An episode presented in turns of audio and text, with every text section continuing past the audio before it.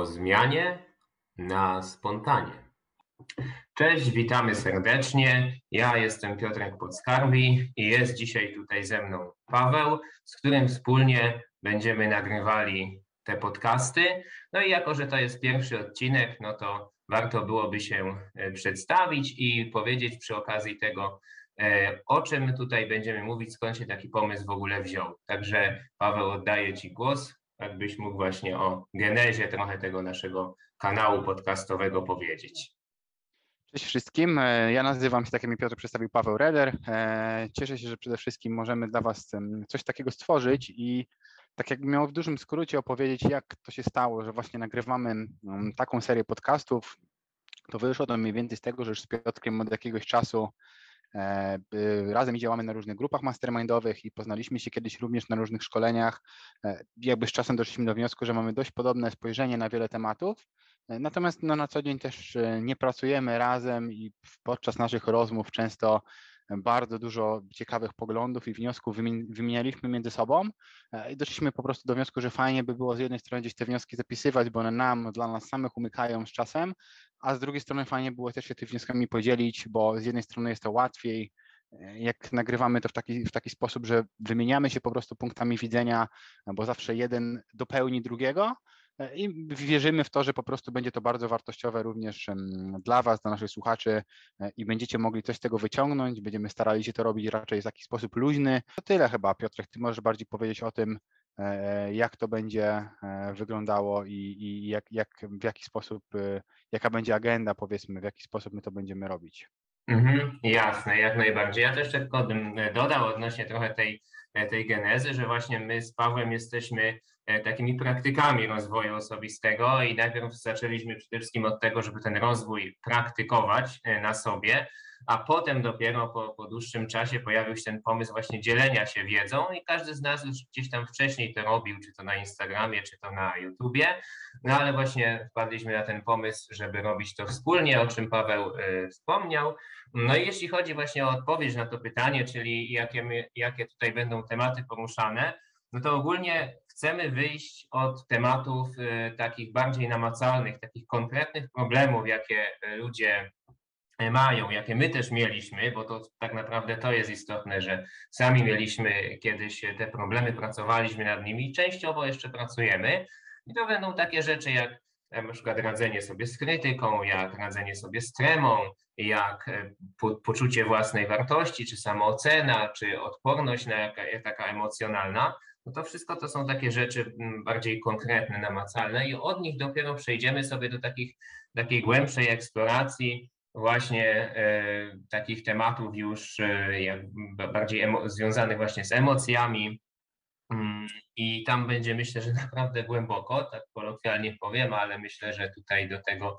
E, przejdziemy po prostu sobie w miarę upływu czasu z kolejnymi podcastami, no bo gdybyśmy wyszli od razu od tych takich głębokich rzeczy duchowych, czy jakichś takich um, analiz, no to trochę dawalibyśmy odpowiedzi na pytania, których nikt nie zadał. I w związku z tym gdzieś tam właśnie chcemy wyjść najpierw od konkretnych, namacalnych problemów, aby zadać te pytania, no i potem właśnie tymi głębszymi analizami na te pytania po prostu odpowiedzieć.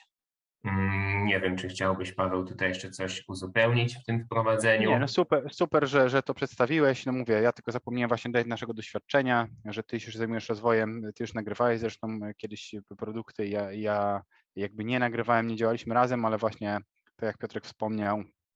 na gdzieś tam aktywnie i, i jest praktykiem powiedzmy rozwoju, czyli dużo e, mieliśmy własnych wyzwań i problemów, z którymi sobie dziś poradziliśmy, więc widzimy ogromną wartość dodaną e, takiej wiedzy dla innych. Sami korzystaliśmy z, z tego typu materiałów i widzimy, jak mocno nam one pomogły. E, i po prostu będziemy starali się w jakiś składny sposób mm, omówić te tematy, żeby to było użyteczne i tak jak powiedziałeś, e, będziemy starali się to robić od takich tematów mm, prostszych, które będą e, po prostu fundamentem i bazą do tego, żeby tłumaczyć takie tematy bardziej zaawansowane, które na początku, właśnie tak jak powiedziałeś, byłyby trochę takim drążeniem odpowiedzi, e, pytań, do których nikt nie zadał, czyli e, pomijając te fundamenty, byłyby czasem ciężkie po prostu, żeby je zrozumieć, bo my mówię, jesteśmy w takiej pozycji, że wiele rzeczy po prostu po latach jest już do nas e, oczywistych, tak jakby ktoś, nie wiem, jeździł na przykład rowerem przez długi czas i on by rozumiał wszystko, o co chodzi w tym rowerze i miałby to wytłumaczyć komuś, kto nigdy na tym rowerze nie jeździł albo chciałby sobie kupić pierwszy rower, no to byłoby to dość dla niego, wiele rzeczy było po prostu dla niego oczywiste, e, a dla osoby, która jeszcze nie jest wdrożona, mogło się to wydawać całkowitą magią, więc myślę, że to jest też nasze wyzwanie i będziemy starali się po prostu e, tak to poukładać, żeby nawet dla kogoś, kto nigdy nie miał większej styczności z rozwojem, było to w miarę jakieś sensowne i zrozumiałe i by mógł coś z tego wyciągnąć po prostu dla siebie i zastosować. Tak, ja myślę, że tutaj wyzwa wyzwaniem właśnie dla nas będzie to, żebyśmy z jednej strony nie znudzili tych, którzy są zaawansowani już, żeby dalej dla tych osób to było ciekawe, mimo że mogą być jakieś podstawy, a z drugiej właśnie nie przeładowali osób początkujących. Ok, co w takim razie będzie tematem dzisiejszym? Otóż dzisiejszym będzie poczucie własnej wartości. O tym sobie dzisiaj powiemy. I to wynika z tego, że przed jeszcze mm, nagrywaniem tego podcastu ustalaliśmy sobie różne potencjalne tematy, które mogłyby się pojawić. No i każdy z nas oceniał, na ile chciałby się na dany temat wypowiedzieć. I ten temat właśnie poczucia wartości był takim, co do którego nie mieliśmy absolutnie żadnych wątpliwości, że każdy z nas ma tutaj dużo rzeczy, którymi chciałby się podzielić. Pracowaliśmy nad tym tematem również e, u siebie. Każdy z nas przeszedł jakąś drogę w tym obszarze. E, I też zauważyliśmy, że wiele osób ma z tym problemy, a co więcej, często jakieś rozwojowe rady, jakieś e, wskazówki, które można by na przykład znaleźć w internecie czy na jakichś kursach odnośnie tego, jak takie poczucie wartości budować, no niekoniecznie dają dobry efekt. Czyli zdarza się tak, że ktoś podążając takimi rozwojowymi wskazówkami, właśnie zamiast budować to poczucie wartości, no to buduje pewnego rodzaju fasadę tego poczucia wartości zamiast takiego realnego, głębokiego mm, poczucia, które będzie po prostu trwałe. I mm, myślę, że to jest temat bardzo istotny, który wpływa też bardzo mocno na nasze życie, na to, jak jesteśmy postrzegani, na to, jak budujemy relacje, no i na to, jak się sami ze sobą czujemy więc na pewno warto go mocno wyeksplorować. No i myślę, że pierwszą rzeczą, pierwszym takim pytaniem, na które moglibyśmy odpowiedzieć, tutaj kieruję to pytanie do Ciebie, Paweł, y, czym właśnie to poczucie wartości jest? Bo często jest tak, że mówimy o tym, że posługujemy się jakimś terminem, a nie do końca definiujemy, co rozumiemy przez ten termin. Więc czym jest dla Ciebie poczucie wartości i po czym Ty poznajesz że takie poczucie wartości masz? Okej, okay, super, dzięki. Bardzo fajne pytanie. Wiesz co, no to, to jest z jednej strony bardzo łatwe pytanie, a z drugiej bardzo trudne, bo bardzo ciężko znaleźć na nie jednoznaczną odpowiedź myślę, że możemy do tego podejść z wielu kątów, jak na to spojrzeć. Dla mnie, jakbym miał tak odpowiedzieć, czym jest poczucie wartości, jest to po prostu czucie się z, ze sobą dobrze które jakby manifestuje, właśnie to jest bardziej ta druga część, czyli jak to mi się manifestuje, po czym poznam, że, że, że mam poczucie wartości, po tym, że pozwalam sobie robić rzeczy, które uważam, że są w zgodzie ze mną. Czyli można powiedzieć, że e, patrząc na to pytanie trochę z drugiej strony, za każdym razem, kiedy tak jak ty, dużo pracowałem trochę z swoim poczuciem wartości, nadal z tym pracuję, fajnie, że to wspomniałeś, że to jest raczej coś takiego, co nie jest stałe, tylko raczej do ciągłej pracy,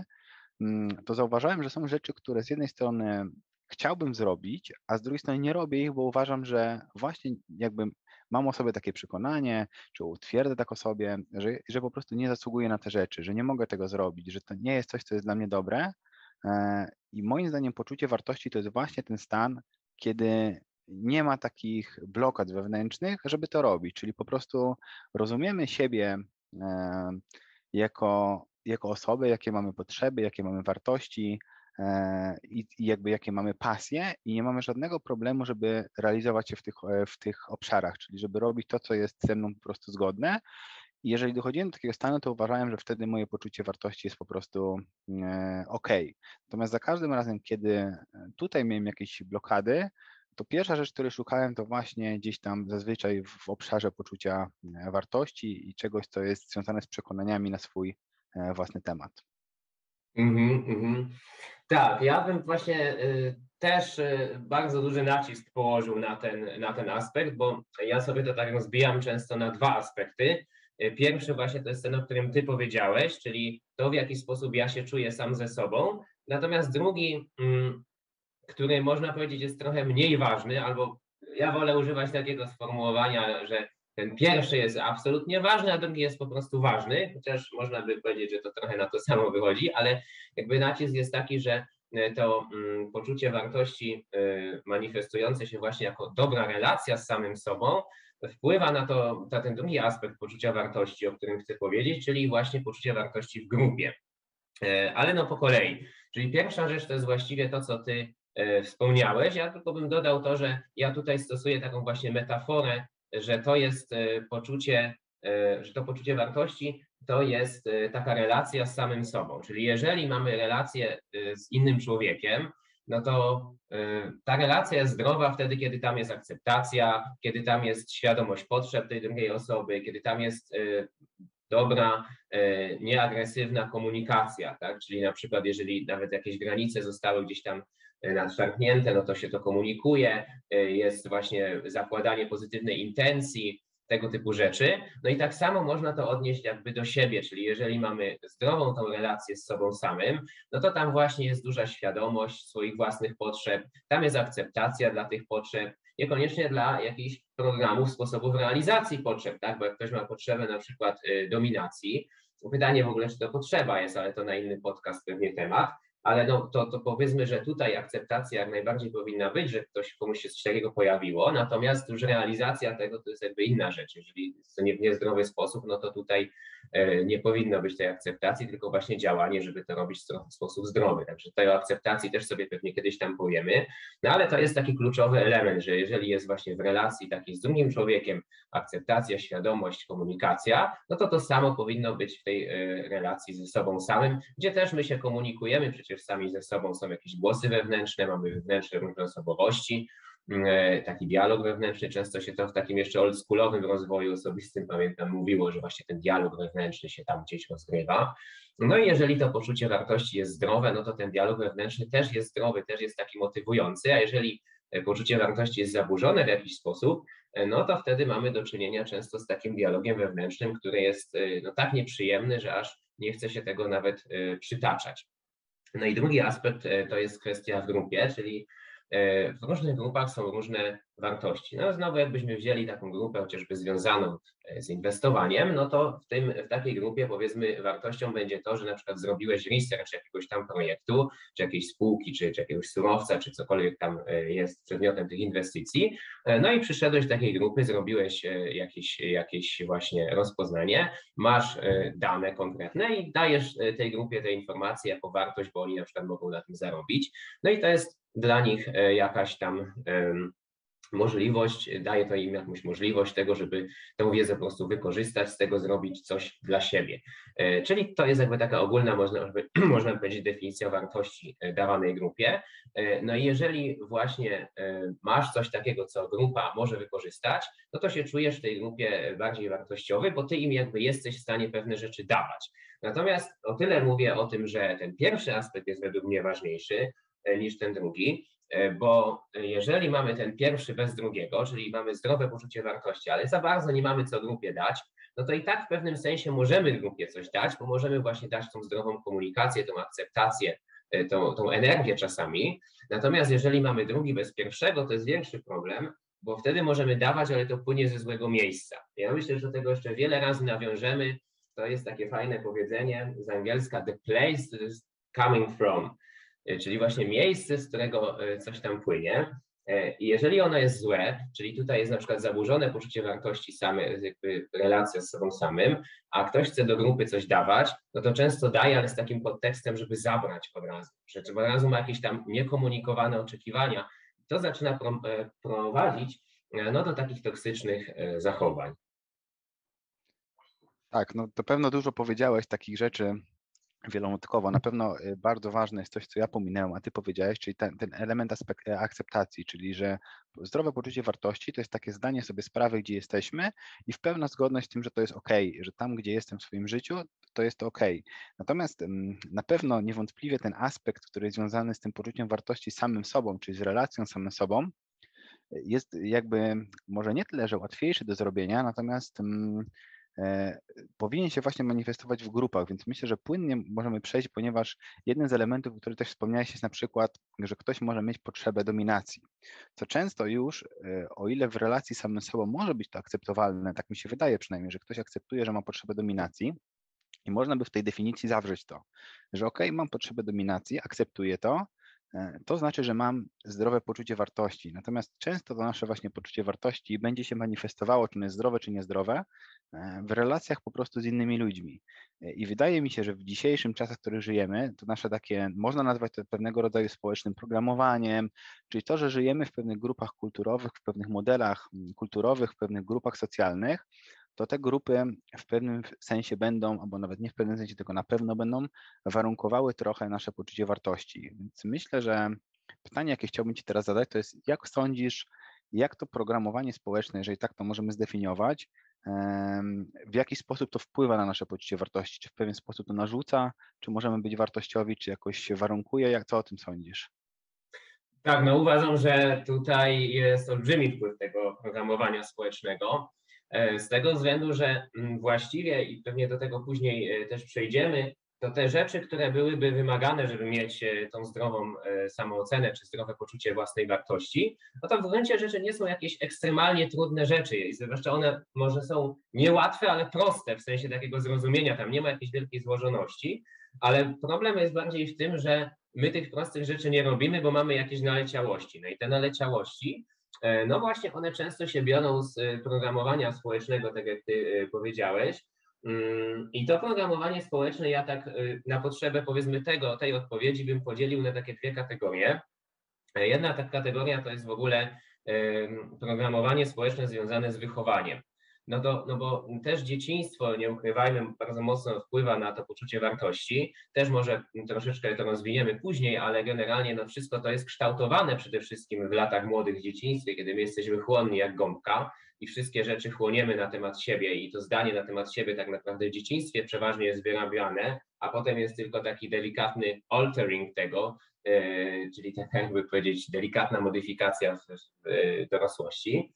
E, więc y, programowanie społeczne rozumiane jako rodzina i jako szkoła bardzo mocno wpływa, no bo ono kształtuje nas w dzieciństwie. Natomiast jest też drugi aspekt i tu jest w ogóle śmieszna sprawa, bo no mamy też programowanie społeczne z mediów i to z mediów y, społecznościowych, czy też z mediów takich tradycyjnych, bardziej jak tam jakaś telewizja, no mniej już wydaje mi się radio, prasa, ale też to oczywiście ma jakiś wpływ. I teraz y, tutaj istotna rzecz, żeby to dobrze złapać, no to jest zrozumienie, że to nie działa w ten sposób, że ci ktoś wychodzi, tak, tam droga pani z telewizji i mówi, że słuchaj, e, Paweł, no ty nie możesz czuć się wartościowy e, tak sam z siebie, przestrzegając jakichś tam zasad, tylko ty potrzebujesz auta do tego, albo potrzebujesz e, zegarka, albo potrzebujesz ciuchów konkretnych jakichś tam.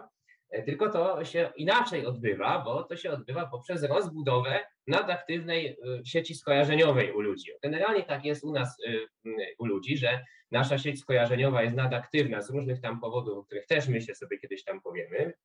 No i reklamy, które lecą w telewizji, czy też przekaz podprądowy z różnych e, tych e, programów rozrywkowych, buduje nam tą sieć skojarzeniową, rozbudowuje. No bardzo dobrym przykładem jest taki, e, myślę, że bardzo popularny napój, który jest kojarzony z, ze świętami. No, dla mnie w ogóle no, kompletny absurd, bo gdzie tam się ten napój kojarzy z, z tym misiem polarnym i, i, ze świętami, ale okazuje się, że wiele ludzi bez tego napoju sobie w ogóle tych świąt nie wyobraża. No i to jest efekt reklamy, to jest efekt rozbudowy tej sieci skojarzeniowej, no, która, tak jak mówię, może być kompletnie absurdalna, a człowiek to łyka na zasadzie tego, że to jest wielokrotnie powtarzane. No bo według mnie, no to ta, ten, produkcja tego napoju, jego dystrybucja i opakowania, no to mocno kontrybują do problemu zmian klimatu, które powoduje, że ten miś tam no nie ma się za dobrze, ale jednak tutaj jest pokazane, że miś zadowolony, Mikołaj jest zadowolony, na świątecznym stole napój musi być, no i ta sieć się tak rozbudowuje. I teraz e, przechodząc szybko już do tej odpowiedzi, bo widzę, że się jak zwykle trochę rozgadałem, no to istota jest taka, że znowu te reklamy, to trzeba zobaczyć, jak to jest skonstruowane, że te reklamy często są tak skonstruowane, żeby pokazać, że jeśli masz samochód, no to masz szacunek innych, na przykład szacunek kobiet albo innych facetów, jeśli masz zegarek, no to też masz szacunek, jeśli masz e, coś tam jeszcze, tak, jakieś ubranie, no to ludzie patrzą z podziwem na ciebie, tak jakbyś błędów w życiu nie popełniał, A jak jesteś w jakieś tam ciuchy, byle jakieś szmaty ubrany, czy jeździsz sobie tam e, jakimś e, starym, e, starym Fordem, no to generalnie nie ma takiego szacunku i to jest ci zabrane. Więc jakby tutaj warunkowanie społeczne właśnie, czyli to pokazywanie tej sieci, rozbudowa tej sieci skojarzeniowej, to właśnie wpływa na to, jak my postrzegamy to poczucie wartości i jakie wnioski później wyciągamy na temat tego, co my to rzekomo musimy mieć, żeby pozwolić sobie samemu, żeby się ze sobą dobrze czuć. Tak, no znaczy, tak jak mówisz, jakby problem, jaki tu widzę teraz, że jest tyle rzeczy, które chciałbym powiedzieć, muszę sobie ułożyć, co chcę, od czego chcę zacząć. Znaczy na tym, bo to jest bardzo taki szeroki temat. Natomiast bardzo fajne, co mi się spodobało, co powiedziałeś, jest, są te połączenia i myślę, że jako, że ja mam dość dużo doświadczenia właśnie bardziej w obszarze marketingu i sprzedaży, to ewidentnie to widzę, że cały przemysł, który mamy dzisiaj, stara się właśnie to zrobić, czyli stara się wziąć takie podstawowe potrzeby człowieka, e, które teoretycznie powinny być, po, powinny być zaspokajane wewnętrznie, czyli właśnie wynikać z tej akceptacji siebie, z tego, że jesteśmy tu, gdzie jesteśmy, jest ok, i połączyć je z pewnymi rzeczami, które chcą nam sprzedać, czyli na przykład nagle samochód nie staje się już narzędziem, które pozwala nam się sprawniej przemieszczać z punktu A do punktu B, tylko staje się na przykład czymś, co daje nam prestiżu, E, i tego, kim jesteśmy, czyli można powiedzieć, że socjalnie zwiększa naszą wartość. E, I to jest na pewno temat ciekawy, bo można powiedzieć, że e, tak moim zdaniem 80% społeczeństwa żyje w, w, takim schemacie, który jest obudowany wokół tego, czyli jest obudowany wokół tego, że to poczucie wartości nie jest stanem wewnętrznym, które jest stanem powiedzmy, że akceptujemy siebie, akceptujemy to, gdzie jesteśmy i że to jest ok, tylko jest ono oparte na pewnych rzeczach, które są na zewnątrz. Czy jest to oparte na tym,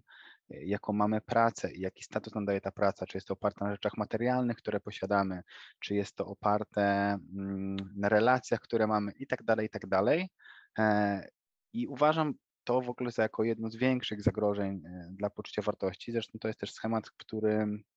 ja często wpadałem, czyli można powiedzieć, że obniżałem sobie poczucie wartości, myśląc o sobie, że nie mając pewnej rzeczy zewnętrznie, oznacza to, że jestem na przykład gorszą osobą. I to jest taki schemat, który, w który ja jakby bardzo mocno wpadałem i wynika on właśnie z tego, że i model kulturowy, czyli to, co, co się mówi w mediach, czyli ten wydruk taki, który nam przekazują, że e, jakby myślę, że cała koncepcja tego takiego marketingu jest po części na tym oparta, czyli chcą podzielić trochę ludzi na takich dobrych i złych i ludzie, którzy są dobrzy, to są ludzie, którzy kupują moje produkty, bo dzięki temu oni są lepsi e, i to powoduje taki rozdźwięk mocny na tym całym e, temacie, o którym rozmawiamy, czyli na poczuciu wartości. Więc e, ja to po prostu widzę w taki sposób, że bardzo często łącząc, właśnie wpadając w te pułapki, które są na nas zastawiane, bo tak można powiedzieć, i tak naprawdę już cała ta machina jest bardzo mocno rozpędzona, E, stopniowo po prostu obniżamy sobie to poczucie wartości przez to, że myślimy o sobie, e, że nie jesteśmy na przykład wystarczająco dobrzy, ponieważ nie posiadamy czegoś e, w świecie zewnętrznym. Tak, no właśnie to jest ciekawy ten aspekt, o którym wspomniałeś, że ja też nawiązałem pod koniec swojej wypowiedzi do tego, ty tutaj to rozwinąłeś właśnie podając, podając przykłady, że Mm, to jest tak, że my sobie to poczucie wartości właśnie odbieramy bardzo często. I, a pamię ja pamiętam jeszcze takie, taką rozmowę z, z jednym z trenerów, którego zresztą e, bardzo szanuję. On dzisiaj jest e, trenerem e, terapii, znaczy po prostu terapeutą loenowskim. No wtedy bardziej się zajmował szkoleniami z, z pewności siebie. E, no i on właśnie e, kiedyś ze mną taką rozmowę odbył na szkoleniu. E, ja mu, żeby to tak przytoczyć bez niekształcenia, może mi się uda, ale coś mu, coś mu w tym stylu powiedziałem, że ja nie czuję się wartościowy, bo jeszcze za mało osiągnąłem. I on mówi, czyli kiedy będziesz się czuł wartościowy? Ja mówię, no jak osiągnę tam to, jak będę miał na przykład własną firmę, albo jak, jak zarobię tyle czy tyle, czy, czy jak się przeprowadzę na przykład, E, a on mówi, no ale co stoi na przeszkodzie, żebym się teraz już czuł z tym e, wartościowy? I ja mówię, no bo wtedy bym nie czuł się zmotywowany, żeby te rzeczy zrobić. I teraz on mówi, no to zobacz, co ty zrobiłeś. To zabrałeś sobie poczucie wartości, żeby je dać sobie potem, jak coś osiągniesz. I, I właśnie dopiero wtedy zrozumiałem, jaki tu absurd jest w tym, jak to właśnie często jest, że w imię na przykład motywacji, ale nie tylko, bo w imię też często właśnie programowania społecznego, my sobie sami zabieramy to, czyli mm, nie ma tego przyzwolenia, żeby czuć się swobodnie, żeby były autentyczne relacje, żeby czuć się dobrze, żeby dać sobie tę akceptację, no tylko właśnie e, zabieramy sobie to po to, żeby mieć na przykład większą zdolność e, zasuwania i, i, i życzymy sobie, że, żeby wtedy nam się bardziej chciało robić rzeczy, których nam się nie chce robić, co swoją drogą według mnie często działa odwrotnie, ale znowu temat e, inny, więc nie będę go rozwijał. No i właśnie w ten sposób też sobie to poczucie wartości potrafimy właśnie odbierać. Tak, znaczy to, co też powiedziałeś, to też jest zauważony taki schemat, który ja wpadałem, ale myślę, że on wynikał bardziej w dużej mierze z tego, żeby po prostu coś robić, że, że może bałem się trochę tej pustki takiej, co by było, jakbym już to miał e, i, i po prostu jakbym i to jest jedna rzecz, a druga właśnie bardziej myślę, że dużo łatwiej jest mówić w ogóle o poczuciu wartości w kontekście tego, jeżeli spojrzymy na to, co nam to poczucie wartości odbiera, a nie w jaki sposób je zdobyć, bo często moim zdaniem, przynajmniej jak spojrzymy to na to w takiej, w takiej większej perspektywie, jako coś, co chcemy zdobyć, to jest to trochę taka, taki wyścig szczurów skazany na niepowodzenie, ponieważ e, w praktyce mogę powiedzieć, że ciągle, jeżeli ktoś oparł na przykład swoje poczucie wartości na rzeczach materialnych, to ciągle będzie potrzebować więcej. Dzisiaj on twierdzi, że jeżeli kupi sobie nowy samochód, to będzie wartościowy, a jak kupi ten samochód, to pojawi mu się kolejny cel, ponieważ E, mm, jest to trochę tak, jakbyśmy chcieli za pomocą jakiegoś plastra zakleić lecącą wodę z, z, od nas, nie wiem, z pękniętej rury. Nie da się tego zrobić, ponieważ problem jest nie w tym, że za słabo, za, za słabo zaklejamy tą dziurę, tylko że rura jest po prostu gdzieś pęknięta i trzeba wejść do środka i rozwiązać ten problem gdzie indziej. Więc moim zdaniem w kwestii poczucia wartości jest to, to mm, koncept, który mm, tak jakby zdrowo rozwiązuje się tylko i wyłącznie poprzez pracę wewnętrzną, czyli dochodzenie do wniosku, że jedyną formą, żeby mieć zdrowe poczucie wartości, jest zaakceptować siebie takiego, jakim się już jest teraz i nie budować swojego świata materialnego w oparciu o to, że kompensujemy swój brak poczucia wartości, tylko bardziej w oparciu o to, jak byśmy chcieli żyć, żeby żyć w zgodzie ze swoimi wartościami, żeby w pełni zrealizować swój potencjał, żeby mm, e, realizować swoje potrzeby, które mamy, a które nie są związane z tym właśnie poczuciem wartości, ponieważ zawsze, jeżeli wyjdziemy z takiego założenia, że teraz nie mamy pełnego poczucia wartości, czyli powiedzmy w skali od 1 do 10, można kogoś zapytać, na ile on się czuje wartościowy. No i ktoś powie, że czuje się na 8 i musi zrobić pewne aktywności, zdobyć pewne rzeczy, cokolwiek tam wstawimy, żeby tą, osiągnąć tą taką idealną dziesiątkę. Jest to właśnie taki bieg, który jest często iluzoryczny, ponieważ nawet jeżeli osiągniemy te rzeczy, a mimo wszystko gdzieś głębiej wewnątrz czuliśmy się niewartościowi, to dalej to uczucie będzie nam wychodziło na wierzch i będzie przykrywało to, co właśnie zrobiliśmy, tworząc kolejną potrzebę i iluzję, że jeżeli zrobimy coś kolejnego, to znowu będziemy w stanie skompensować e, to, co, E, to właśnie uczucie, które teraz posiadamy, że jednak dalej jest coś nie tak i dalej nie jesteśmy wartościowi. I to jest w ogóle schemat, który bardzo często na takich różnych szkoleniach można zaobserwować. Czyli to jest nawet schemat, który ja bardzo długo przechodziłem, czyli nadmiernego osiągania, czyli po prostu osiąga się jeden cel i chce się osiągać kolejny cel i nie dlatego, że jest to coś, co sprawi, że moje życie będzie lepsze, tylko dlatego, że czuję się ciągle wewnętrzną pustkę i, i, i chęć po prostu zatkania tej pustki czymś na zewnątrz. Dwie rzeczy, do których e, bym chciał nawiązać szczególnie. E, jedna z tą rurą to, to też taka metafora, którą ja e, stosuję. I tutaj jeszcze w tej mojej metaforze jeszcze jest taki dodatkowy element, że, że ja stwierdzam właśnie, że tu problemem jest nie właśnie to, że tam jest jakaś drobna nieszczelność, i, i którą próbujemy tymi plastrami sobie zakleić w postaci właśnie samochodów, ubrań i różnych tam rzeczy używanych później niezgodnie z ich pierwotnym przeznaczeniem, ale e, też kluczowym elementem jest ciśnienie tam w tej rurze i to ciśnienie metaforycznie to ja rozumiem jako takie właśnie nieodpuszczone emocje, czyli jeśli ktoś wypiera, ktoś tłumi ciągle, cały czas e, się chce pozbyć emocji, gdzie, naprawdę, gdzie tak naprawdę te bańki, te, te wszystkie mechanizmy, e, iluzje, narracje rzeczywistości, które my sobie często wmawiamy i których, w których potem żyjemy, one służą temu, żeby tych emocji nie czuć. I jak bardzo chcemy nie czuć, no to na chwilę może się to ciśnienie obniżyć, ale docelowo ono będzie rosnąć właśnie. I jeżeli nie odpuścimy tych emocji, jeżeli ich nie przeżyjemy, e, i nie dopuścimy po prostu do, do siebie, no to to ciśnienie będzie rosło i właśnie te jakby, takie rozszczelnienia w tej rurze będą coraz częstsze i coraz więcej tych plastrów będzie trzeba przyklejać, i coraz więcej trzeba będzie osiągać i, i coraz większe będzie poczucie tego, że coś trzeba z tym robić, więc to jest takie błędne koło. E, a druga rzecz, która jest istotna, to jest właśnie to, co wspomniałeś e, odnośnie akceptacji, ale również tego, żeby budować ten taki. E, jest ciężko znaleźć mi takie dobre polskie słowo, jest takie dobre polskie, angielskie słowo alignment, czyli takie jakby wyrównanie, zgodność, może tak lepiej by to określić, zgodność naszych właśnie wartości ze sobą i działań w ramach tych wartości, żeby tam nie było konfliktów wewnętrznych, żeby to było zgodne z jakąś naszą wizją większą. I że właśnie y, dużo osób y, popada w tą y, pułapkę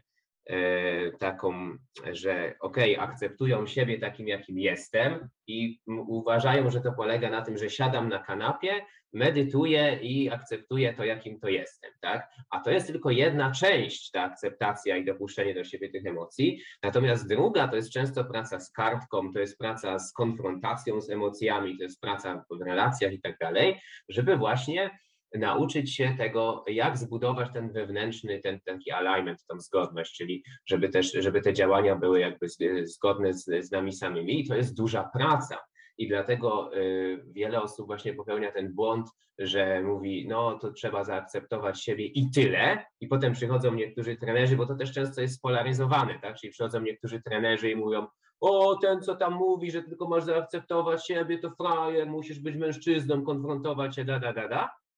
I znowu ten trener mówi część prawdy, tylko problem polega na tym, że zarówno jeden, jak i drugi mówi część prawdy, ale uważa, że to jest cała. A cała według mnie jest taka, że tam musi być zarówno element akceptacji, jak i element budowania tego, tego e, wyrównania zgodności, e, do którego potrzebne są często konfrontacje, które się gdzieś tam z męskością kojarzą, więc tutaj to musi być skombinowane. I też e, chciałbym Cię tutaj dopytać, jak właśnie jak Ty to widzisz, bo, bo mówisz, że bardziej trzeba się skupić na tym, żeby zobaczyć, co odbiera Ci poczucie wartości i tu pełna zgoda, mm, ale jednak chciałbym właśnie tutaj tak troszkę podrążyć ten temat, takim trochę się pobawić takiego adwokata diabła, jak właśnie byś widział budowanie tego, tego, tej zgodności takiej wewnętrznej, tej spójności wewnętrznej, y, czyli jakby, jakby przyszedł ktoś do ciebie, pewnie takie sytuacje też miałeś i powiedział, słuchaj Paweł, jak ja mam to poczucie wartości y, budować, no to oprócz tego, żeby zobaczyć, co cię blokuje, to co jeszcze powinienem robić?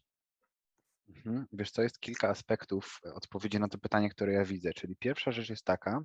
że właśnie to, co powiedziałeś, czyli jest praca z tą akceptacją, ale praca z akceptacją często polega właśnie na tym, co powiedziałeś, czyli że nie boimy się konfrontować e, z rzeczami w rzeczywistości, czyli ze różnymi zdarzeniami, ponieważ wiemy, że one nie, jakbyś osoba, która ma zdrowe poczucie wartości, moim zdaniem nie e, interpretuje niepowodzeń w swoim życiu jako coś, co, nie, co poczucie wartości odbiera. Czyli przede wszystkim myślę, że powinniśmy rozdzielić e, tą część rezultatów z tym, kim, kim się czujemy. Czyli często jest tak, że jeżeli na przykład mamy jakąś wizję naszego życia, bo tak mi będzie łatwo to wytłumaczyć i chcemy e, tą wizję zrealizować głównie ze względu na to, żeby zrealizować swoje potrzeby, czyli na przykład mamy potrzebę posiadania rodziny, mamy potrzebę na przykład realizacji swoich pasji, mamy wiele różnych potrzeb, które chcemy zrobić e, i problemem, jaki widzę często, to jest właśnie przyklejanie efektu, jakby zrealizowania tego celu do swojego poczucia wartości. Czyli ludzie myślą, że gdy zrealizuję cel, to będę wartościowy. I cała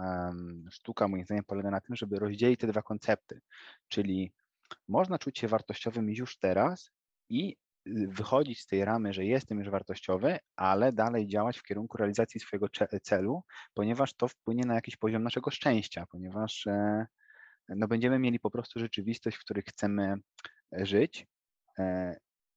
i moim zdaniem właśnie budowanie zdrowej, zdrowego poczucia wartości to jest dawanie sobie przyzwolenia na wiele rzeczy, na których często osoby, które mają gdzieś te poczucie wartości zaburzone, nie dają sobie pozwolenia, czyli dawanie sobie pozwolenia na wyznaczanie granic, dawanie sobie pozwolenia na to, że nie wszystko musi pójść po naszej myśli. Nie wynika to z tego, że jestem niewartościową osobą, tylko wynika to z tego, że na przykład dobrałem niewłaściwą strategię działania mm, do celu, który chcę e, osiągnąć e, i myślę, że to jest często jedna z początkowych rzeczy, od których ja bym zaczął, czyli żeby po prostu e, rozdzielić te dwa światy, tak bym to mógł po prostu w dużym skrócie opisać. No nie wiem, jakie ty masz do tego podejścia. No właśnie takie podobne. Bardzo ze mną to zarezonowało, co, co wspomniałeś o tym, że jeżeli, że miałeś taki schemat, ja też miałem taki bądź podobny, że taka była obawa, że jeśli bym uzyskał, jeżeli bym sobie dał poczucie wartości, no to by mi się nic nie chciało robić, wszystko by było nudne i życie by nie miało sensu. I tak naprawdę no, jesteśmy teraz dowodem na to, że, że to tak nie jest. No, jednak e, siedzimy, nagrywamy podcast e, w sobotę, e, no i, i, nie robimy tego po to, żeby, się, żeby lepiej myśleć o sobie, tylko żeby dać też wartość E, innym, więc, więc e, co więcej, nawet e, śmiem takie, taką tezę postawić, że jeśli byśmy nie czuli się wartościowi, no to właśnie tym bardziej byśmy nie robili na przykład tego podcastu, no bo byśmy się zastanawiali w ogóle najpierw, co jeden o drugim wzajemnie pomyśli. To już też w ogóle często, często jazda, jak tam trenerzy rozwoju opowiadają, jak się, jak się na przykład spotkali i się tam ba, ba, bali, co jeden o drugim powie. E, i, i pewnie gdybyśmy mieli z tym problem, no to to też by tak wyglądało. No ale co więcej, e, to właśnie balibyśmy się, co przede wszystkim nasi słuchacze o nas powiedzą, bo ja myślę, że ja się czuję fajnie, ty Paweł mówisz też, że jestem podekscytowany nagrywając to. Liczę, liczę na to, mam taką głęboką wiarę, że, że słuchaczom się to też wielu spodoba, ale pewnie będzie jakaś tam część takich, którzy stwierdzą, nie, do dupy, co oni tam pier pierdzielą. I, no i może ktoś tam skrytykować, ale ja się tego nie boję, bo, bo będzie to jakby dla mnie taka informacja, że po prostu może źle zakomunikowaliśmy, dla kogo to jest i trafił ktoś, kto tam miał nie być i, i tyle, nie? Ale no na pewno nie wyciągnę z tego takiego wniosku, że, że ja jestem do dupy. E, a, e, a co do tego mm, właśnie, jak, jak ja widzę cały proces y, budowania tego poczucia wartości, no to to jest właśnie tak, że ja to dzielę na takie trzy aspekty, czyli jeden to jest właśnie budowanie tej wewnętrznej zgodności i tutaj polecam taką książkę, też ja na swoim vlogu mm, będę e, robił, właściwie ono już jest gotowe, tylko trzeba uploadować takie nagranie klub książki i tam omawiam jedną książkę tak docelowo raz na miesiąc. Książka właśnie się nazywa E, sześć filarów poczucia własnej wartości. Bardzo ją polecam, zresztą zachęcam też do tego klubu książki. Tam później, jak wrzucimy podcast, będziemy mieli też swoje, swoje miejsca, gdzie, gdzie umieszczamy, czy ja, czy Paweł, jakieś materiały, no to tam podlinkujemy. E, ale generalnie właśnie e, ta książka Nataniela Brandena, Sześć filarów poczucia własnej wartości. No i generalnie ona mówi o tym, że jeżeli żyjemy zgodnie z tymi filarami, gdzie właśnie akceptacja, świadomość, celowość, tam jest y, jeszcze etyka, ale etyka jest rozumiana jako właśnie to, co ja określam jako ten alignment taki, czyli zgodność wartości ze sobą y, i żeby nie było konfliktów wewnętrznych, no to jakby to jest, y, to jest właśnie możliwość budowania życia zgodnego ze sobą, tak jakby. I to jest ten pierwszy element, czyli wszystkie te rzeczy zawarte właśnie w książce Brandena. I ja nawet na początku miałem takie poczucie, że ta książka wyczerpuje temat poczucia wartości, ale uważam, że brakuje tam dwóch rzeczy. Jednej rzeczy to jest y, dzieciństwa i uważam, że y, na ten temat znowu myślę, że osobny podcast, ale, ale dzieciństwo bardzo mocno na nas wpływa i ta praca terapeutyczna z dzieciństwem uważam, że jest bardzo często potrzebna, żeby zrozumieć skąd się nasze y, negatywne przekonania o sobie w ogóle wzięły. Także to jest drugi aspekt. No i trzeci aspekt budowania tej pewności siebie to jest właśnie rozebranie tych mechanizmów ego, na czynniki pierwsze i zobaczenie, jakie y, rzeczy my sobie sami wmawiamy, w jakich iluzjach żyjemy i jak się okłamujemy. I jak bronimy bardzo często swojego wizerunku, bo tutaj jest często taki problem, że jeżeli my y, nie mamy zgodnego, mm, zgodności takiej wewnętrznej, co się manifestuje tym, że nie mamy poczucia wartości, czy też po prostu no nie mamy, bo nie czujemy, tak, no to mm, zaczynamy poszukiwać to, co mówiliśmy już wcześniej, co, co Paweł też rozwijałeś, E, takich substytutów. No i te substytuty tworzą pewien obraz, pewien wizerunek nas, taki idealny. Dużo ludzi social mediów też używa niezgodnie z ich przeznaczeniem według mnie, czyli takim, żeby się tam na przykład poznawać, czy, czy, czy coś w tym rodzaju, czy, czy promować nawet, tylko używa tych social mediów do tego, żeby tworzyć jakiś fałszywy wizerunek siebie, no po to, żeby skompensować właśnie, tak jak wspomniałeś, e, to e, zaniżone poczucie wartości. No i ten wizerunek, e, jeżeli on zostanie zachwiany, czyli ktoś na przykład napisze jakiś głupi komentarz albo stwierdzi, że to zdjęcie na przykład nie jest wcale aż takie piękne, jak powinno, albo za mało jest kasy, albo za wolny Bentley, albo cokolwiek by tam nie było, e, no to e, ten wizerunek zaczyna być zachwiany i ludzie bronią panicznie tego wizerunku. I teraz dlaczego tak się dzieje? No dlatego, że ten wizerunek jest taką tarczą. Jak on pęknie, no to odsłoni się to zaburzone poczucie wartości, które za nim jest. I dlatego e, i, i to ego, jakby, czyli ten wizerunek, to, to, to zaczyna trochę funkcjonować jak gdyby jako taki osobny byt. I dlatego my, jak bardzo mocno się ten proces napędzi, no to zaczynamy reagować na zagrożenie tego wizerunku, które jest iluzją w ogóle, i to trzeba sobie z tego zdawać sprawę, jako za zagrożenie życia. I dlatego ludzie zachowują się po prostu zupełnie nieadekwatnie do sytuacji, kiedy ten wizerunek zostaje zaatakowany. I kluczową rzeczą, czyli tym trzecim aspektem pracy nad poczuciem wartości, jest właśnie zrozumienie takiej, takiej niby to prostej rzeczy, ale ona ma wiele, wiele e, powiązań, że ty nie jesteś swoim wizerunkiem. I tak naprawdę jak ja to zrozumiałem, chociaż są jakieś ciągle obszary, w których jeszcze moja podświadomość tego nie łapie, jeszcze się wydaje, że tak jest. Ale jak to złapałem, no to bardzo dużo swobody mi to właśnie dało i dużą dawkę tego wewnętrznego e, poczucia wartości, tej harmonii. Takiej znowu jest dużo rzeczy, które chciałbym dodać i dopowiedzieć, jakby tak podsumowując jeszcze, bo fajnie też powiedzieć jedną rzecz, że przede wszystkim e, zaczynając tak z tego, co pamiętam, chcę wrócić do momentu, gdzie ten cały koncept, o którym właśnie rozmawialiśmy, że wychodzenie z takiej ramy, że jesteś już wartościowy i możesz coś robić, to często jest taki Wydaje mi się, że przynajmniej dla mnie tak było, że to jest taki trochę skok wiary, że ciężko jest wytłumaczyć, czy tak mówi, czy ktoś powiedział, ciężko jest wytłumaczyć e, biednemu, jak to jest być bogatym, bo faktycznie pewne rzeczy trzeba doświadczyć i wydaje mi się, że właśnie a propos poczucia wartości jest taka trochę iluzja, w której żyjemy, że jeżeli właśnie damy sobie to poczucie wartości i, i założymy, że już jesteśmy wartościowi, zaakceptujemy się w pełni, to pojawi się lenistwo. To jest jeden z takich, e, wydaje mi się, mitów, który często się pojawia, a właśnie zaufanie, że, że tak jest i puszczenie tego wszystkiego i zaakceptowanie się w pełni często właśnie odkrywa tą taką sferę, nazwijmy to inspiracji, czyli nie działamy już z desperacji, żeby zbudować tą wspomnianą przez siebie tarczę, e, na którą się obudujemy, że jesteśmy wartościową osobą, tylko po prostu twierdzimy, że jestem wartościowy taki, jaki jestem i pojawia się zazwyczaj wtedy bardzo dużo pasji, które wychodzą, bardzo dużo takich rzeczy, w których naturalnie czujemy się powołani do nich, żeby, żeby się e, jakimś tematem zająć albo tym tematem podzielić. I, I moim zdaniem ten zasób, po prostu ta inspiracja jest niedostępna do momentu, kiedy w pełni nie zaakceptujemy siebie. Natomiast jest to oczywiście proces e, czasem na całe życie, można powiedzieć, do pracy z poczuciem wartości, więc no mówię, ja też mam dużo jeszcze takich obszarów, kontekstów życiowych, gdzie czasem pojawią mi się jakieś myśli związane z tym, że nie jestem taki wartościowy, jaki y, powinienem być, albo że mam po prostu niższe poczucie, niższą, obniżoną wartość w stosunku do na przykład osób w danej grupie, w której się e, obecnie znajduję. E, I jeżeli chodzi w ogóle o opieranie rzeczy e, na zewnątrz, tego poczucia budowania tej takiej tarczy, jak ty powiedziałeś, no to ja widzę tutaj właśnie jedno bardzo duże zagrożenie związane z tego typu działaniem, którym jest przede wszystkim to, że są to rzeczy nie w pełni zależne od nas, czyli mając dziś dobrą pracę, zarabiam dużo pieniędzy jeżeli oprę, swoje poczucie wartości na tych pieniądzach, to co w przypadku, kiedy przyjdzie na przykład kryzys, którego nie mogłem się w pełni spodziewać i ten kryzys sprawi, że nie będę miał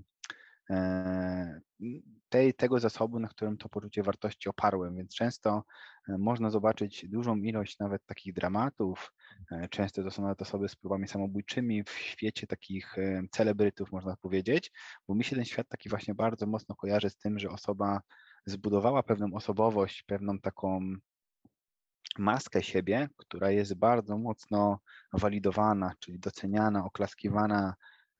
przez ludzi, natomiast ci ludzie oklaskują tą e, osobowość tylko dlatego, że ona ma to wszystko.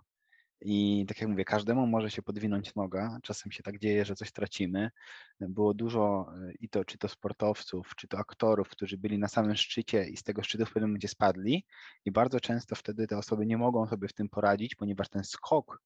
e, utraty tego, gdzie byli, do tego momentu, gdzie są teraz, jest zbyt duży, i po prostu emocje, które się pojawiają w związku z sytuacją, są po prostu,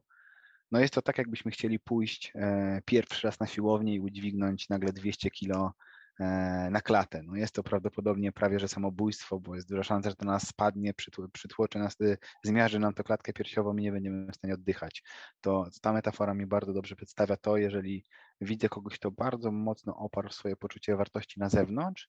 i z jakiegoś często nawet nie do końca zależnego od niego czynnika po prostu to wszystko, na czym to poczucie wartości oparł, stracił. Ja tylko e, krótko bym nawiązał do tego, o czym wspomniałeś właśnie, że takie lenistwo się czasami pojawia, albo nawet nie to, że ono się pojawia, tylko my się boimy, że ono się pojawi, mm, to właśnie y, też z czego to się bierze według mnie? No według mnie się bierze to z tego, że e,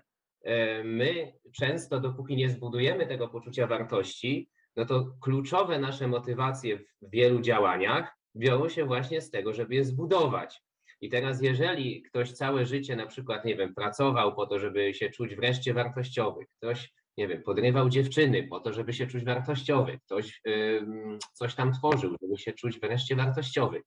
no to jak nagle stwierdzi, że kurde, to ja się czuję wartościowy teraz, no to skąd tą motywację brać, skoro y, cały czas to było właśnie zasilane tylko i wyłącznie tym brakiem poczucia wartości. No i skoro tylko to mnie motywowało wcześniej, no to co by jeszcze mogło być innego? Bo generalnie motywacja trochę tak działa, że jeżeli mamy jakieś jedno główne źródło motywacji, no to ono troszeczkę tak jakby przyćmiewa te wszystkie pozostałe. No i jeżeli to poczucie wartości, ten brak tego poczucia wartości jest tym głównym motywatorem, no to jakby nie widzimy tutaj innych opcji, no ale potem te inne opcje można jednak e, odkryć. No i to jest to, co mówisz właśnie, że to zaczyna wszystko mieć zupełnie inny wymiar, bo płynie z miejsca inspiracji, a nie z miejsca desperacji. I to jest taki moment, w którym jakby działanie w ogóle całe twoje wchodzi na inny zupełnie poziom. Także tutaj to, to jeszcze bym tak, tak to gwoli uzupełnienia. E, no i e, też e, przejdźmy sobie może do takiego zagadnienia, które tam troszeczkę już może, mm, do, którego już nawiązaliśmy, czyli właśnie jak to ludzie odbierają, bo tutaj to, jakie my mamy poczucie wartości, wpływa na to, jak się komunikujemy po prostu. Tak? I jak ty, Paweł, to widzisz? W jaki sposób poczucie wartości wpływa na to, jak jesteśmy odbierani i właśnie co jest w odbiorze ludzi taką wartością. Okej, okay. to, to jest też, mm, myślę, że można by to podzielić, ja przynajmniej widzę tej podział na dwa takie człony. Po pierwsze na pewno jest to oczywiście niezbadane, przynajmniej ja nie mam dostępu do badań na ten temat, natomiast moim zdaniem ludzie odczuwają, czy czujesz się wartościowy, czy nie. Czyli jeżeli ktoś ma e, takie zdrowe poczucie wartości o siebie, to nie ma przede wszystkim E, można nawet powiedzieć inaczej, że ja bym patrzył na to, że nasze emocje, które odczuwamy, będą się w jakiś sposób manifestowały kinestetycznie w ciele, czyli będziemy nasze ciało będzie e, za pomocą mowy ciała wyrażać to po prostu, jak się czujemy z samym sobą. Więc nawet osoby, które mają zdrowe poczucie wartości, nie mają tych lęków e, dotyczących tego, co inni na ich temat powiedzą, czy wypadają w tym momencie dobrze, czy źle. I jest to w jakiś sposób odczuwalne przez otoczenie, przez to to otoczenie też nas szanuje. To jest cały paradoks, że często, to też w rozwoju się często mówi, że jest schemat takiej samospełniającej się przepowiedni. Czyli jeżeli ktoś uważa, że jest na przykład gorszy od wszystkich, to automatycznie już zaczyna myśleć w sposób, że jest oceniany jako gorszy i zaczyna zachowywać się w taki sposób, jakby to już faktycznie było prawdą, przez co no, naturalną rzeczą jest to, że ludzie w otoczeniu zaczynają na niego jakoś dziwnie patrzeć i postrzegać, że coś jest z nim nie tak, bo już tak się zachowuje. E, więc jeżeli chodzi o sam aspekt tego, jak się czujemy z naszym poczuciem wartości, to na pewno e, pod tym kątem mocno to wpływa na to, na to sobie jesteśmy w stanie pozwolić w tych relacjach, na ile będziemy na przykład zdrowo wyznaczać granice, czyli jeżeli ktoś nas o coś poprosi, czego nie chcemy zrobić, to czy uznamy, że nie będziemy tego robić, bo dlaczego mielibyśmy to robić i jestem w stanie być asertywny i powiedzieć, że sorry, ale no tego na przykład nie chcę zrobić, no bo, bo tak, czy na przykład ulegniemy i stwierdzimy, że zrobię to, bo ta osoba może jest ode mnie lepsza i powinienem na przykład tak zrobić, żeby ona mnie zaakceptowała. Więc tego typu sytuacje na ogólnym poziomie występują. Natomiast drugi wątek, który tu chciałbym poruszyć, który występuje, to jest coś, o czym Ty wspomniałeś na początku, czyli na przykład jak jesteś w grupie inwestorów, to w tej grupie będą panowały pewne wartości i ludzie będą wartościowali się według tych, mm,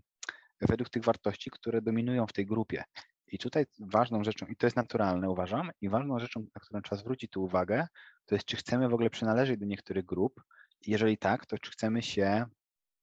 chcemy jakby dzielić te wartości, bo to jest normalne, że jeżeli na przykład umówiłby się, jest grupa jak, o, to jest dobry przykład, który mi przyszedł do głowy, jesteśmy na przykład w szkole, e, czy to liceum, czy to w szkole podstawowej i wybiera się ludzi do drużyny piłkarskiej. No i często osoba, która była wybierana na przykład na końcu, to miała takie, że ona jest niewartościowa, bo coś tam. No i teraz dla mnie naturalną rzeczą jest to, że w tej grupie e, kryterium, które jest kluczowe, to jest to, na ile umiesz grać w piłkę, no bo na tym polega cała zabawa w danym momencie życia. Natomiast nie jest to coś, co będzie rzutowało na to, czy ty jesteś wartościową osobą jako całokształt, natomiast w tym danym kontekście może mieć to wpływ. I uważam, że to też jest cenne, żeby umieć rozdzielać te dwie perspektywy. Że to, że jestem gdzieś na przykład na początku jakiejś drogi w czymś, to w hierarchii grupy pod względem wartości, jaką mogę dodać do tej grupy, jestem nisko, ale pod względem wartości jako osoba, osoba jesteśmy na równi. Uważam, że to jest dobre podejście, bo tego też trochę nie, porówna, nie porównaliśmy, że jednym takim odchyłem, o którym tutaj my mówiliśmy, bo mieliśmy takie sytuacje z naszych doświadczeń, jest to, że mieliśmy perspektywę siebie, że jesteśmy niżej w hierarchii wartości niż inni, natomiast często też drugi schemat jest taki, że ktoś na przykład może postrzegać się wyżej, czyli będzie się pojawiać w różnych grupach i nawet pomimo braku umiejętności czy nieposiadaniu tych kryteriów, które spełnia grupa, on będzie ciągle zakładać, że jest na przykład w tej grupie najlepszy e, i pełni tą taką rolę, jest takim, takim osobnikiem alfa, że tak powiem. Więc e, to, to, to jest jakby taka rzecz, którą ja chciałem wspomnieć, że taki ja tutaj u siebie widzę przynajmniej podział w tym temacie. Tak, ja zacząłem się troszeczkę tutaj uśmiechać, jak zacząłeś mówić o tej szkole, bo do tego chciałem nawiązać, że właśnie E, szkoła bardzo mocno na nas y, wpływa, no i determinuje, może nie tyle determinuje w jakiś sposób ostateczny, ale mocno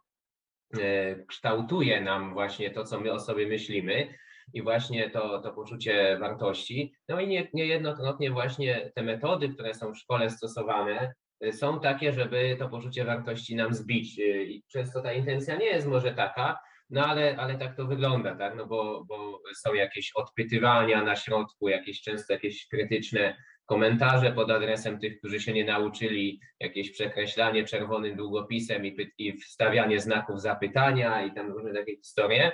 e, tak jakby nie było jakichś innych, bardziej normalnych sposobów komunikacji pisemnej. E, także to szkoła tutaj ogromną robi rolę. No i to jest to, co mówię odnośnie dzieciństwa.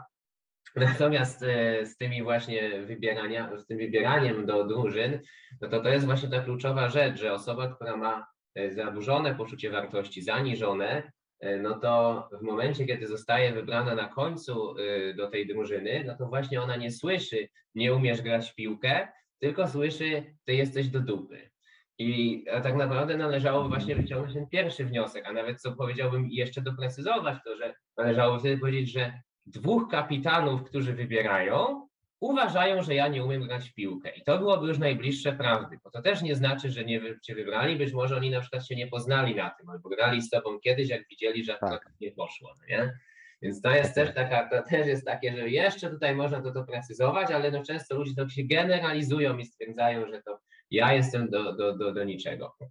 Natomiast co do badań, bo wspomniałeś o badaniach, to przyszło mi do głowy takie jedno badanie, gdzie było to odnośnie chyba kampanii wyborczej w USA. Okazało się, że ten kandydat, który mniej mrugał, był bardziej odebrany jako wiarygodny. No i to mruganie właśnie często też jest takim, e,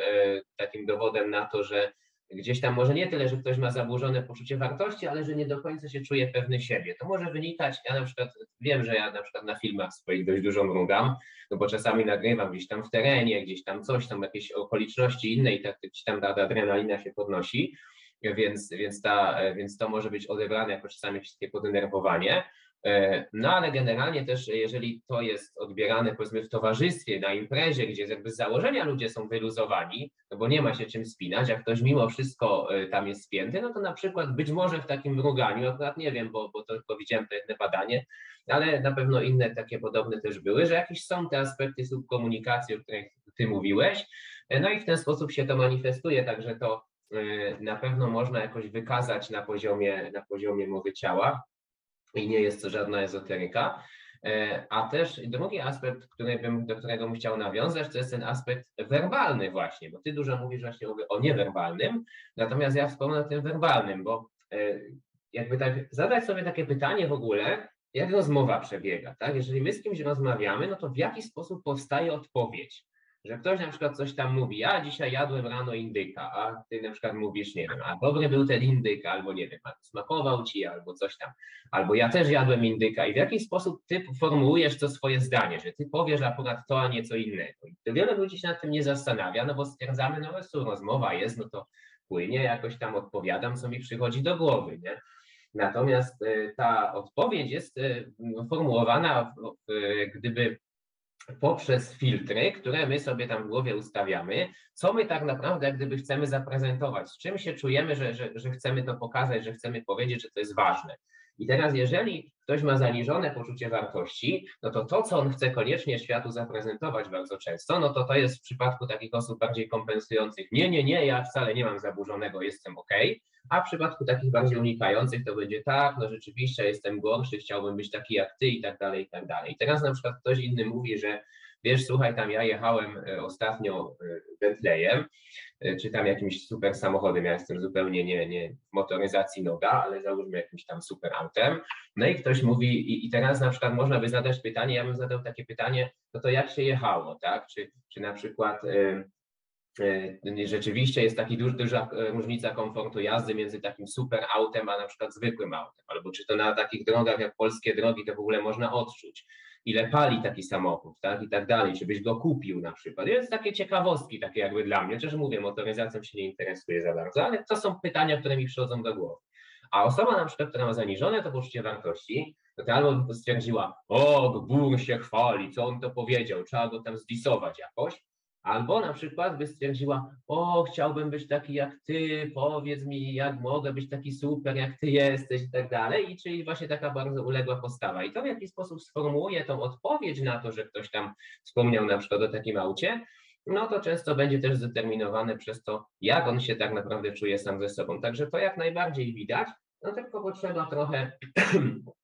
tego, co nazywamy właśnie często w tym naszym slangu takim rozwojowym, e, taką kalibracją, no i wtedy jesteśmy w stanie to wyczuć na poziomie świadomym, ale jak ktoś tej kalibracji nie ma na poziomie świadomym, no to i tak podświadomie e, po prostu pewne rzeczy e, wyczuwa.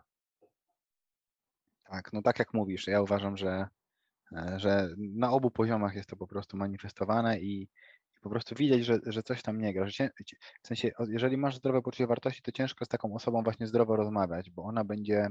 też dużo rzeczy filtrowała przez, ze swojej perspektywy i to będzie rzutowało na to, jak ona się po prostu z tobą e, komunikuje. Czy to już tam na poziomie werbalnym, czy niewerbalnym, to myślę, że jest to po prostu widoczne, na, na czym na jednym jest niewidoczne, na drugim po prostu poziomie jest widoczne.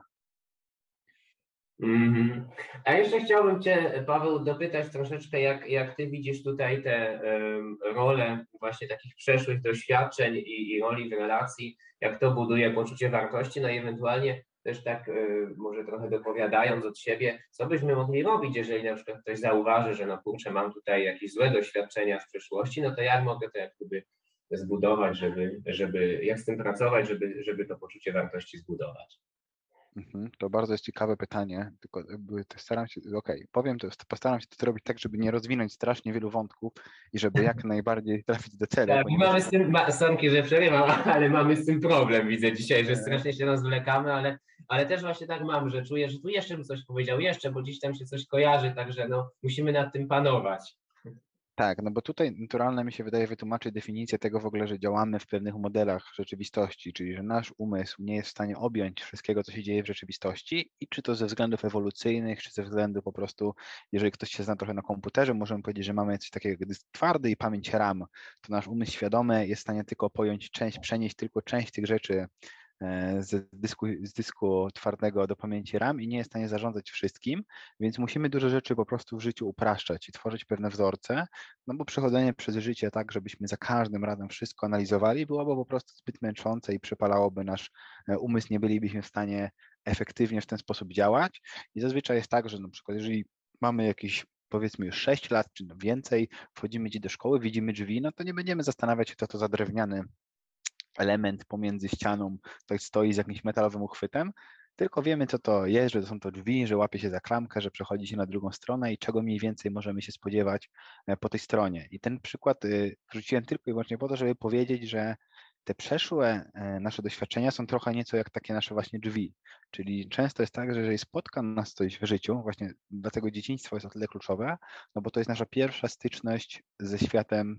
zewnętrznym po, narodzi po narodzinach, więc tam tworzymy tak naprawdę model tego, czym w ogóle jest życie, czym w ogóle są relacje, patrząc na relacje rodziców e, i, i kim jest w świecie mężczyzna i kim jest kobieta. I na podstawie tego, e, jaki ten model sobie stworzyliśmy, to mamy właśnie, ludzki umysł ma taką tendencję, żeby zakładać, że ta zasada, która tu została stworzona, będzie w 100% prawdziwa dla wszystkich innych zdarzeń podobnych do tych, które mamy. Czyli jeżeli doświadczyliśmy jakiejś sytuacji, gdzie nasze poczucie wartości było obniżane, to naturalną tendencją umysłu będzie to, żeby w e, każdym innym kontekście, gdzie spotka innych ludzi, już z automatu zachowywać się tak jak w tamtej relacji, czyli będzie sobie z automatu obniżał to poczucie wartości. No i to oczywiście będzie też e, rzutowało na to, jak ta dynamika relacji przebiega, bo myślę, że akurat chociaż kusiło mnie, żeby powiedzieć, że myślę, że jak ktoś odbiera sobie poczucie wartości, to raczej inni będą z tego korzystali, chociaż y, też bym tego nie powiedział, bo jeżeli naprawdę ktoś ma zdrowe poczucie wartości, czyli uważa, że jest równy ze wszystkimi, e, to nie będzie tego poczucia wartości odbierał, ale często ta osoba po prostu w takiej formie relacji się nie utrzyma, czyli będzie starała się gdzieś, e, czyli korzystając właśnie z drugiego prawa, którego nie powiem, będzie, będzie starała się szukać czegoś, co już zna, ponieważ naszym, naszym naturalnym jakby mechanizmem, mechanizmem umysłu jest również to, że szukamy rzeczy, które, które znamy. I myślę, że to też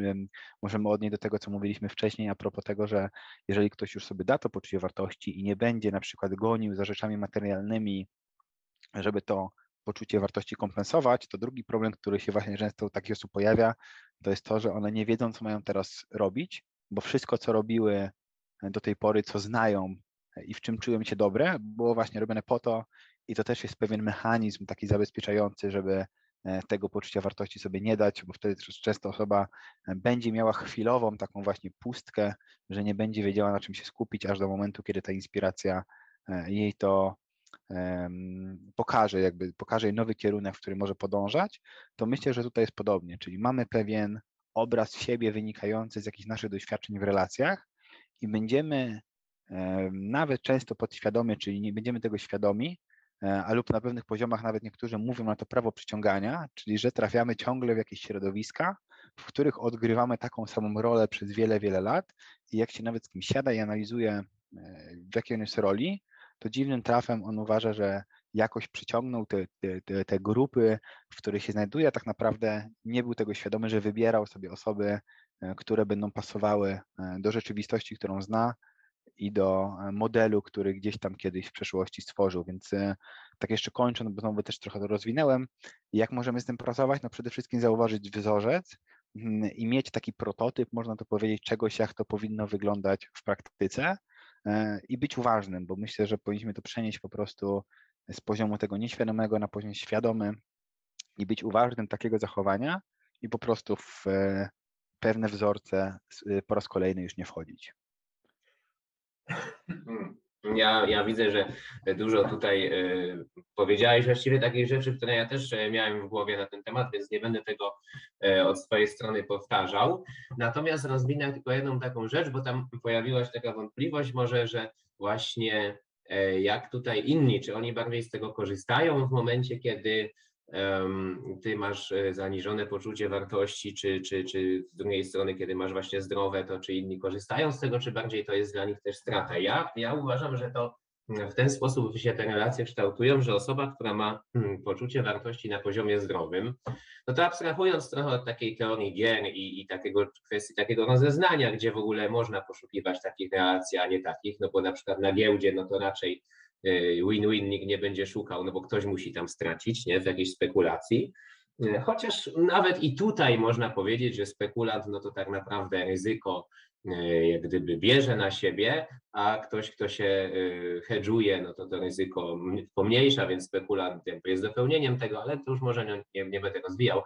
W każdym razie y, ktoś kto, ktoś, kto ma zdrowe poczucie wartości, to oprócz takiej zdrowej kalibracji po prostu matematycznej, że on coś tam obliczy, czy można, czy nie można, to znacznie więcej poszukuje relacji typu win-win. I dla niego to jest domyślne, a dopiero ewentualnie jak widzi, że nie ma możliwości takiej relacji, no to wtedy on tam sobie gdzieś poszukuje jakichś takich relacji win-lose, w których on potencjalnie mógłby wygrać, ale w pierwszej kolejności on szuka win-win. Natomiast osoby, które mają zaburzone poczucie wartości, to nawet jak jest taka możliwość, no to oni wszędzie szukają, czyli jest możliwość win-win, no to oni wszędzie szukają win-lose. I teraz, jeśli ta osoba z zaburzonym poczuciem wartości idzie w stronę kompensacyjną, czyli taką, że ma zaburzone, ale próbuje sobie wmówić wizerunkiem, że ma świetne, no to wtedy y, szuka ciągle win-lose tam, gdzie on jest zwycięzcą, a taki ktoś, kto jest unikający, no to z kolei szuka cały czas, tylko że oczywiście podświadomie takich relacji, gdzie on jest przegranym. Natomiast y, obie te postawy, mimo że wydawałyby się skrajnie przeciwne, no to łączy tak naprawdę taki element, że zamiast szukać wspólnych zwycięstw, no to szukają takich rywalizacji, gdzie zawsze ktoś musi być przegranym. Tak, no znaczy ja tak, tak samo, dokładnie tak samo bym to opisał, jak to powiedziałeś, czyli uważam, że osoba ze zdrowym poczuciem wartości nie pozwoli sobie obniżyć go w grupach, które mają do tego tendencję i absolutnie nie będzie czuła potrzeby, żeby komuś te poczucie wartości obniżać, czy żeby sobie podwyższać, bo nie ma e, po prostu po co tego robić, czyli będzie właśnie szukała relacji, gdzie obie strony e, mogą w jakiś sposób zyskać, a osoba osoba, która będzie miała obniżone, będzie wchodziła w relację, gdzie jest takim dawcą, można powiedzieć, czyli ktoś korzysta na, na relacji z, nie, z nią, a osoba, która będzie miała podwyższone, będzie starała się wykorzystać mm, drugą osobę, żeby sama wziąć jakieś korzyści, e, głównie takie, żeby potwierdzić sobie coś na swój własny temat, bo tak to się często odbywa. Musimy, musimy już, e, jeszcze chciałeś coś dopowiedzieć? Nie, myślę, że trochę nam się to rozciągnęło w czasie, szczerze mówiąc. To jest tak, coś, co tak, chciałem powiedzieć. Tak, tak, tak. No właśnie też to samo zauważyłem i, i, i myślę, że e, musimy pomału zmierzać do końca, także tam jeszcze nam zostało w sumie jedno pytanie, ale myślę, że to jest takie pytanie, które może by równie dobrze e, przypiąć do innego tematu, bo ciągle gdzieś tam to ego, poczucie wartości, statusy, dynamika socjalna, to wszystko gdzieś tam będzie się ciągle e, przewijało. Więc ja myślę, że na dzisiaj możemy, możemy zakończyć. E, I no nie wiem, e, może tak, bo to jest to w sumie nasza pierwsza próba, więc, więc troszeczkę na spontanie można powiedzieć improwizuję, ale no może masz Paweł jakieś dwa, trzy zdania takiego podsumowania tego całego tematu, o którym mówiliśmy. No na pewno odkryło mi się w trakcie, że nie wiedziałem, że ten temat będzie aż tak rozległy, że faktycznie moglibyśmy jeszcze zrobić z tego dwudniowe szkolenie i o tym opowiadać, bo naprawdę wątków i takich tematów pobocznych, które zauważyłem, że trzeba wytłumaczyć, jest dość sporo, więc mam nadzieję, że e, ta struktura, w której użyliśmy, będzie choć trochę zrozumiała dla osób, które nigdy nie miały z tym styczności mm, i że przynajmniej na część tych pytań związanych z tym tematem udało nam się e, odpowiedzieć, bo, bo mówię, jest to temat, który na pierwszy rzut oka wydaje się dość prosty, taki, że można szybko o nim powiedzieć, natomiast jak zaczniemy się zagłębiać w te szczegóły, to się okazuje, że jest tu wiele scenariuszy i wiele kwestii, które warto e, poruszyć. Jasne. Ja od swojej strony e, powiem też, że, że bardzo mi się to podobało, w sensie takim, że E, może podobało to tak, e, czy jest troszkę takie ocenne, ale bardziej bym powiedział, że się po prostu świetnie czułem e, nagrywając to z Tobą, bo, bo widzę, że mamy właśnie bardzo dużo takich wspólnych punktów, ale też fajnie nam wyszło to, że mm, fajnie my się wydaje opowiadali, że to oczywiście słuchacze ocenią przede wszystkim, ale, ale mam wrażenie, że fajnie, że potrafimy jakby wyrazić to, co jest mm, istotne, tak to the point. Ja mówię troszkę też o sobie, ale nie na takiej zasadzie, żeby się chwalić, że o, co to ja nie jestem, tylko bardziej na zasadzie takiej, że ja trochę siebie znam, bo ja już nagrywałem różne rzeczy i nie zawsze to bynajmniej tak wyglądało. Jak pamiętam, pięć lat temu nagrywałem filmiki na rozwojowca, no to to duży był problem z tym, żeby swobodnie na przykład mówić, więc od swojej strony to po prostu jestem zadowolony, że, że jakiś taki flow wszedłem i to pewnie jest dzięki temu, że właśnie mamy tutaj tą spójność. No a też Paweł y, widzę, że, że, że y, u Ciebie chyba to podobnie wyglądało, także jestem mega zadowolony. No i mam nadzieję, że to w jakiś sposób to ułożyliśmy, że w jakiś sposób to y, zaprojektowaliśmy. Te nasze doświadczenia będą dla Was, dla, dla słuchaczy, no, wartością przede wszystkim, tak, żebyście mogli tutaj jakby mm, skorzystać z tego też na poziomie praktycznym, czyli nie tylko ciekawostki, ale jednak też pomyśleć nad tym, jak można by te rzeczy wdrożyć, do czego zresztą zachęcamy. No i zapraszamy na e, kolejne nagrania, e, które będziemy, mam nadzieję, systematycznie e, tworzyć. Tak, no myślę, że jako osoby w rozwoju będziemy wyciągać wnioski i z każdym kolejnym nagraniem ta jakość jeszcze będzie wzrastać, bo będziemy po prostu raz, że znali siebie trochę też i takie nasze powiedzmy flow nagrywania, bo to na pewno dużo pomoże, a z drugiej strony też pewnie wyciągniemy jakieś wnioski, jak tą strukturę jeszcze przejrzyściej po prostu poukładać tak, żeby jeszcze łatwiej po niej przechodzić i żeby była jeszcze bardziej czytelna.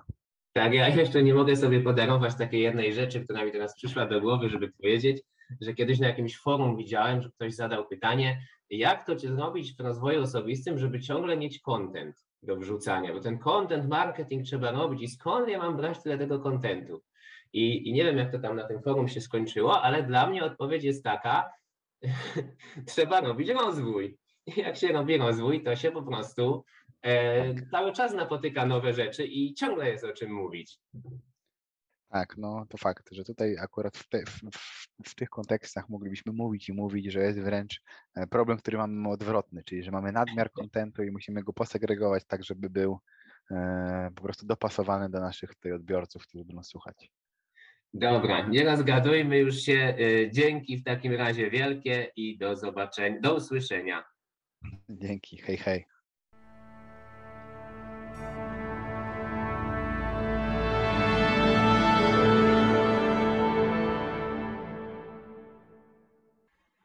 Zmianie na spontanie.